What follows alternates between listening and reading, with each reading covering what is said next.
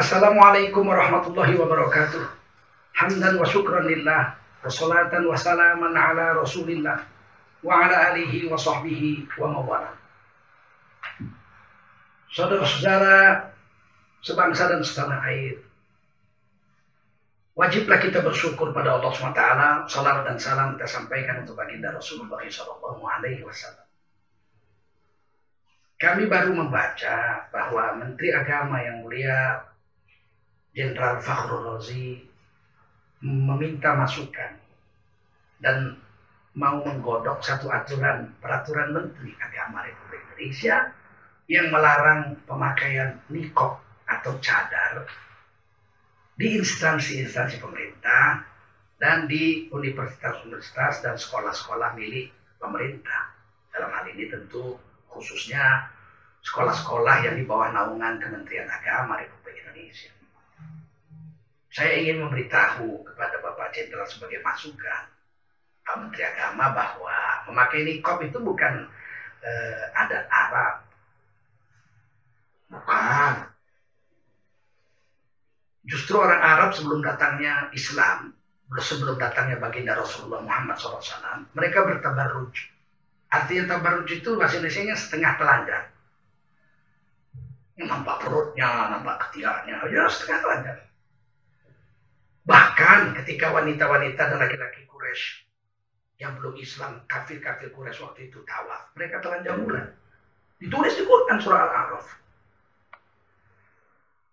Kemudian datang Nabi membawakan kehormatan bagi para wanita. Dua kali turun. Sekali turun adalah surah An-Nur ayat 31. Wal yadribna bi khumurihin ala juyubihin Wajiblah wanita itu menutupkan seluruh tubuhnya dengan kerudung-kerudung. Indonesia kerudung. Khimar jamaknya khumur. Bihumurihin kerudung-kerudung wanita. Ala juyubihin kerudungnya menjulur sampai dadanya. Boleh nampak wajah dan telapak tangannya illa madhuharu minha menurut uh, Sayyidina Abdullah bin Abbas dalam tafsir Ibnu Abbas boleh nampak wajah dan telapak tangannya. Ini hukum pertama dari Islam yang diturunkan Allah kepada baginda Rasulullah Muhammad SAW untuk membasmi dan menghilangkan tabarrujal jahiliyah kebiasaan wanita-wanita jahiliyah sebelum Islam yang setengah telanjang itu. Kemudian satu hari sudah demikianlah adanya wanita-wanita Islam pakai kerudung nampak wajah dan telapak tangan. Lazimlah begitu. Satu hari di Medina sudah pindah ke Medina. Saudah binti Zam'ah, istri baginda Rasulullah yang kedua, yang dinikahi Nabi setahun setelah Ibunda Khadijah wafat, sebelum pindah ke Medina. Ibunda Saudah ini berusia 61 tahun saat dinikahi oleh Nabi. Badannya tinggi besar. Kuat menggiling gandum sendiri, kuat untuk mengangkat air sendiri. Satu hari beliau buang air besar di luar rumah, malam hari gelap, dulu nggak ada listrik dulu gelap. Dulu tidak ada orang membuat WC dalam rumah. Semua, bahkan istana kakek-kakek kami di Serdang atau di Delhi, sebesar itu istana Delhi di Medan, tidak ada WC, WC di luar istana. Karena itu tempat setan berzina. Doanya diajarkan Nabi, Allahumma ini a'udzubika minal khubsi wal khaba'ith. Sesungguhnya aku masuk WC ini berlindung dari setan jantan, setan betina. Mereka berzina di situ. Sehingga tempat setan berzina nggak ada dalam istana. Istana-istana orang Melayu dari mulai uh, Aceh sampai pada Palembang. Bahkan Masjidil Haram yang mampu menampung 10 juta orang jamaah. Tidak ada WC di dalam masjid itu. Semua di luar. Saat itu Umar bin Khattab lewat. Ini hadis Bukhari bukan dongeng. Ditulis dalam tafsir Al-Marwahi dan lain-lain. Ibnu Katsir dan lain-lain. Umar bin Khattab melihat seorang wanita sedang buang air besar di dalam gelap. Dan beliau men menandai tanda. Ini adalah istri Nabi Sa'udah binti Zam'ah radhiyallahu anha yang terhormat. Tidak bisa tidur Umar bin Khattab malam itu. Risau, gelisah. Besok pagi habis sholat subuh beliau jumpai Nabi. Ya Rasul, Perintahkanlah kepada wanita-wanita kita agar mereka menutup wajahnya. Supaya nggak kita kenal lagi. Ini tadi malam demi Allah ya Rasul. Saya lihat istrimu, istri Anda. Saudara binti sama air besar dan saya tahu itu istri baginda Rasul. Ibunda kami kaum muslimin. Nabi tidak mau mendoakan itu. Tak mau Nabi memerintahkan untuk wanita-wanita memakai cadar. Tapi Allah berkehendak lain. Allah turunkan wahyu surah Al-Ahzab ayat 59. Ada tiga ayat yang turun sebab Umar bin Khattab. Ada tiga ayat Quran yang diturunkan Allah sebab kerisauan seorang Umar bin Khattab. Dalam tafsir Ibnu Katsir, yang pertama adalah Umar bin Khattab ingin sholat di belakang hijir eh, di belakang makom Ibrahim. Di belakang makom Ibrahim. Kemudian Allah turunkan ayat, "Wattakhidhu mim maqami Ibrahim musalla." Ambil makom Ibrahim itu untuk sholat. Kemudian yang kedua, haramkan hamar. Nabi tidak mengharamkan hamar, tapi Allah turunkan wahyu. Surah Al-Maidah ayat 90. Hamar menjadi haram. Nah yang ketiga ini. Wajibkan wanita-wanita kita khususnya istri-istri Nabi pakai jilbab. Tutup wajah. Besoknya turun ayat. Ya ayyuhan nabi. Hai nabi. Qul li azwajika wa banatika wa nisa'il mu'minin. Perintahkan kepada istri-istrimu.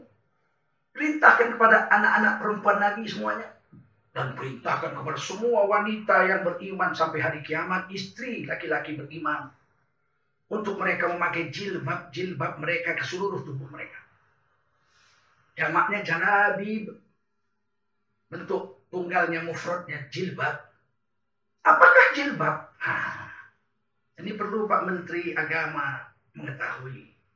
Menurut Quran Kementerian Agama Republik Indonesia, ini yang saya dapatkan di tempat saya sedang saya sedang didakwah di Jambi bahwasanya surah Al-Ahzab 59 itu dikatakan hai nabi wahai nabi katakanlah kepada istri-istrimu anak-anak perempuanmu dan istri-istri orang mukmin hendaklah mereka menutupkan jilbabnya ke seluruh tubuh mereka 690 footnote catatan kaki Jilbab ialah sejenis baju kurung yang lapang yang dapat menutup kepala, wajah, dan dada. Menutup kepala, wajah, dan dada.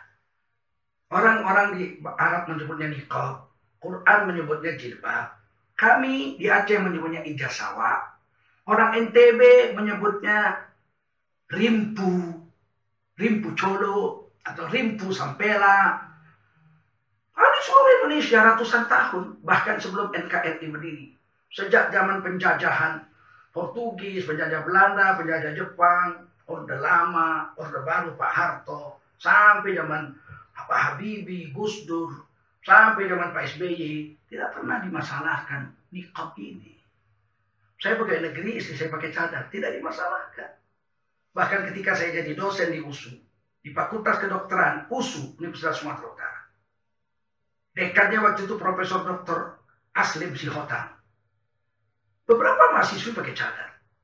Diributkan oleh satu orang dosen. Menjadi viral, menjadi headline di surat kabar surat kabar Medan. Saya ingat satu di antaranya koran waspada. Menjadi perdebatan antara saya dengan dekan fakultas syariah Institut Agama Islam Negeri Medan yang mengatakan itu tidak wajib itu adat Arab. Dan saya mengatakan itu syariat Islam. Ada di Kementerian Agama Republik Indonesia di Qurannya. Terjemahan ini. Di tafsirnya udah dia 12 jilid. Warna kuning. Ditandatangani oleh Menteri Agama waktu waktu itu Haji Munawir Sadali MA. Dicetak di Universitas Islam Indonesia, Yogyakarta. Atas biaya Departemen Agama. Salah satu timnya di situ sahabat saya. Abang perguruan saya lebih senior dari saya. Kiai Haji Said Akil Munawar yang belakang jadi Menteri Agama sebelum Anda, sebelum Pak Menteri Pak Rozi, ada nama-namanya di situ. Dalam tafsir, bukan dalam terjemahan ini, bukan tafsir. Tafsir. Jilbab ialah sejenis baju kurung yang lapang, yang longgar yang dapat menutup kepala, wajah dan dada. Ini tafsir yang dicetak oleh Sinar Mas Group. Ini terjemahan, bukan tafsir. Sinar Mas Group yang mencetaknya ini baru saja tahun lalu disebarkan ke seluruh Indonesia. Ada surah Al-Ahzab, tadi saya lihat, halaman 426, footnote nomor 690. Jilbab ialah sejenis baju kurung yang lapang, yang longgar, yang dapat menutup kepala wajah dan dada.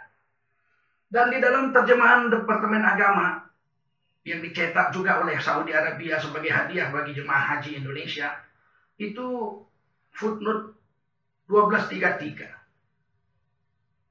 Halaman 678. Sama, jilbab ialah sejenis baju kurung yang lapang yang dapat menutup kepala, wajah dan dada. Silakan Bapak Menteri lihat bagaimana Kementerian Agama mau membuat satu peraturan yang mengangkangi tafsir dan terjemahan Qurannya sendiri. Bahkan melawan hadis Bukhari yang diriwayatkan dari Umar bin Khattab radhiyallahu anhu sebagai asbabun nuzul turunnya ayat ini kepada baginda Rasulullah SAW untuk menjadi hukum bagi kita. Di dalam tafsir Ibnu Katsir, begitu ayat ini turun, keesokan harinya, berarti turunnya malam. Seluruh wanita Ansor di Madinah keluar rumah hitam-hitam seperti gagak yang bertengger di kepala-kepala mereka. Subhanallah. Kalau bicara tafsir agama yang kecil aja, yang seluruh Indonesia wajib menamatkannya pesantren-pesantren yang di bawah bimbingan Kementerian Agama. Tafsir jalan lain, yang paling kecil yang wajib dipelajari di seluruh pesantren-pesantren yang dibimbing oleh Kementerian Agama Republik Indonesia. Idza kharajna li hajatihin illa ainan wahidah. Wanita yang keluar rumah terpaksa karena ada hajatnya, maka wajib memakai nikab yang boleh nampak hanya sebelah matanya saja. Kalah Batman. Berani kita membantai Imam Suyuti. Pengarang tafsir itu. Dalam kitab tafsir Sawi. Saroh. Daripada jalan lain. Dalam tafsir Ibnu Katsir yang saya ceritakan tadi. Seperti gagak-gagak hitam bertengger di kepala. Dalam tafsir Fi'ah Kamil Quran Imam Qurtubi dalam tafsir yang terbaru mantan rektor Al-Azhar tafsir Al-Marohi ada di situ tentang cadar atau nikob ini ajaran Islam di dalam madhab Imam Syafi'i terbelah dua pendapat Imam Suyuti, Imam Ibn Hajar, Sayyid Abi Bakri Syato, Imam Nawawi Al-Bantani, dan lain-lain ini sepakat. Hendaklah wanita-wanita itu istri Nabi, anak Nabi, dan semua wanita beriman menutupkan nikab atau cadar menutup wajahnya dengan jilbab, itu hendaklah di situ wajib hukumnya. Wajib wanita menutup wajahnya. Menurut siapa? Imam Suyuti, Imam Ibnu Hajar, Sayyid Abi Bakir Sato, Imam Nawawi Al-Bantani, dan lain-lain. Ini pendapat yang paling muktamad dan masyhur dalam madhab Imam Syafi'i. Meskipun ada khilaf, ada perbedaan pendapat dalam madhab Imam Syafi'i. Imam Nawawi ad-Dimashqi dalam kitab Sayyid uh, Majmu' Syarhul Muhadzab mengatakan sunat bagi wanita menutup wajah. Tidak wajib. Meskipun yang satu bilang wajib, yang satu bilang sunat, perlu kita ketahui dua-duanya syariat Islam. Tidak boleh dilarang. Peraturan menteri tidak bisa keluar kalau melawan Undang-Undang Dasar 1945. Pasal 9 ayat 2 negara menjamin tiap-tiap warga negara untuk memeluk agama, garis miring kepercayaan dan menjalankan agama, garis miring kepercayaannya masing-masing. Dalam madhab Imam Syafi'i wajib. Ada yang bilang sunnah. Kok dilarang sesuatu yang wajib dan sunnah? Penjajah Belanda nggak melarang. Penjajah Jepang nggak melarang. Bung Karno nggak melarang. Pak Harto nggak melarang. Gus Dur nggak melarang. Bapak Habibie nggak melarang. Ibu Megawati dua tahun lebih jadi presiden nggak melarang cadar. SBY, Pak SBY nggak melarang. Jangan sampai nanti ada anggapan pemerintah sekarang ini anti agama. Karena berbeda dengan penguasa-penguasa bahkan penjajah. Kita tidak mau kan pemerintah sekarang ini rezim Pak Jokowi kehilangan kepercayaan dari masyarakat Islam yang 88,7 persen di Indonesia. Kita cinta NKRI, cinta kita. Tidak ada sedikit pun niat kita untuk memberontak. Bukhot itu haram. Tahu kita madhab syafi'i. Kami ahli sunnah wal jamaah, khususnya madhab syafi'i, meyakini ini. Madhab Hanafi tidak wajib, tapi wanita bercadar tidak pernah dilarang. Bahkan yang paling banyak di Mekah, Medina waktu umroh dan haji yang menutup wajah itu cuma daripada India, Pakistan, Bangladesh, orang-orang bermadhab Syafi'i, bermadhab Hanafi, Imam Hambali mewajibkan maka seluruh kota Mekah dan Madinah itu perempuan-perempuannya pakai niqab, pakai cadar. Tapi itu bukan adat Arab. Pakaian-pakaian Arab nampak akurat semua. Pakaian tradisional-tradisional orang-orang Arab Badui itu nampak wajah.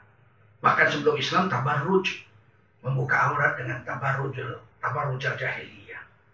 Setengah telanjang bahasa Indonesia-nya. Nah ini yang perlu saya sampaikan kepada Bapak Menteri yang terhormat sebagai masukan. Pertama, tidak boleh ada peraturan apa pun, undang-undang apa pun melawan Undang-Undang Dasar 45, pasal 9 ayat 2 yang menjamin warga negara untuk menjalankan agama dan memeluk agamanya. Yang kedua, jangan sampai ada anggapan rezim ini lebih parah dari penjajah. Ini bahaya bagi kelangsungan NKRI. Yang ketiga akan timbul kegaduhan. Yang keempat, ini memotong hak anak bangsa Indonesia untuk jadi pintar. Amanat Undang-Undang 45 di pembukaan. Tujuan merdeka itu adalah melindungi segenap tumpah darah Indonesia. Jangan sampai terpecah-pecah, jangan sampai geger, jangan sampai gaduh. Yang kedua, mencerdaskan kehidupan bangsa. Kita sudah mewajibkan belajar 9 tahun, bahkan 12 tahun anak-anak Indonesia wajib sekolah, wajib belajar. Jangan sampai mereka itu terhalang untuk sekolah hanya gara-gara dia mau mengamalkan agama menutup wajahnya apakah sunat apakah wajib. Jadi nggak boleh sholat sekolah di, berhentikan karena nggak diterima. Nggak boleh masuk ke sekolah atau ke instansi kalau pakai cadar. Iya. Masa harus mengorbankan agama untuk bisa hidup bernegara? Masa harus mengorbankan agama untuk mendapatkan kecerdasan pendidikan? Disyaratkan nggak boleh pakai cadar padahal itu perintah agama. Mau jadi apa negara kita kalau begini?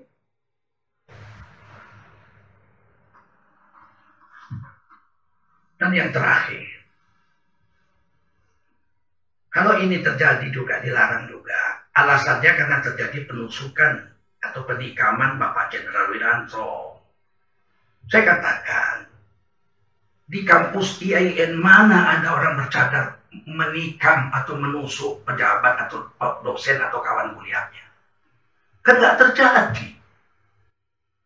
Di instansi pemerintah mana yang orang bercadar menikam atau menusuk orang pegawainya di kantor itu? Kan belum terjadi, nggak ada. Kalaupun memang itu harus dibuat demi pengamanan, kan cukup satpam.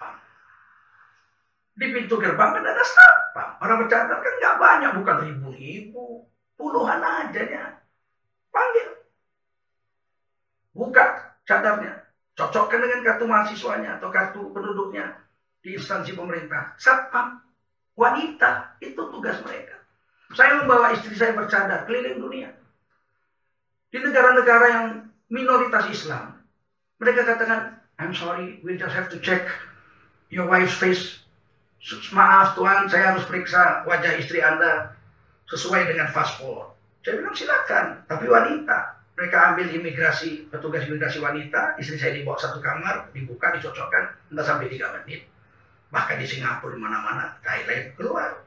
Istri saya senyum-senyum saja. Karena yang mereka perempuan. Hanya cuma untuk security, cukup diperiksa begitu. Mau ini ada di kampus JIN, ada orang pakai cadar, panggil. Oleh security di pintu gerbang, bawa di satu, sediakan kamar kecil, satu kali dua meter aja, satu kali satu meter.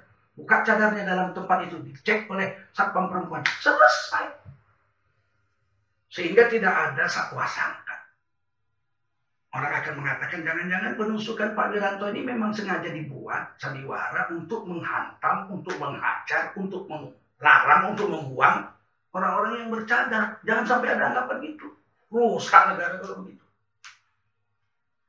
Kami tahu betul Pak Wiranto memang ditusuk. Kita semua tahu. Yakin. Sebab Fuad Saudki, kader kita yang mendampingi Pak Wiranto ikut terluka. Tapi jangan. kejadian ini kemudian diarahkan untuk melarang cadar. Kalau memang ditakuti bahaya, ya periksa saja. Sediakan kamar kecil, satpam periksa. Nggak repot kok. Orang setiap orang masuk juga diperiksa kok. KTP-nya ditinggal. saya ke instansi-instansi pemerintah itu kalau masuk, supir saya tinggal KTP. Di pos satpam. Saya di Amerika di mana-mana mau masuk ketemu kawan, tinggal KTP. Biasa kok. Milik orang Eropa biasa. Dulu saya paman saya kerja di mobil oil, kalau saya mau jumpa tinggal KTP di, diperiksa. Oh, ya biasa saja. Nah, silakan buat peraturan tapi begitu caranya. Jangan dilarang orang bercadar. Periksa. Untuk security keamanan. Kami setuju. Kita sama-sama tidak suka ada orang-orang kriminal yang menikah, menusuk sana, nembak sini. Sama. Sama saja. Tapi jangan sampai masukan yang salah diterima oleh Bapak Jenderal Menteri Agama sehingga keluar peraturan menteri yang melanggar undang-undang dasar, pembukaan undang-undang dasar, melanggar aturan agama yang dijamin oleh negara untuk dilaksanakan oleh setiap individu dan jangan sampai menimbulkan kegaduhan antara kita. Mari kita jaga NKRI menjadi negeri yang badatun sayyibatun walaupun wafur. Saya tentu Zulkarnain. Wakil Ketua Majelis Fatwa Matraul Anwar dan juga Wakil Sekretaris Jenderal Majelis Ulama Indonesia. Wassalamualaikum warahmatullahi wabarakatuh.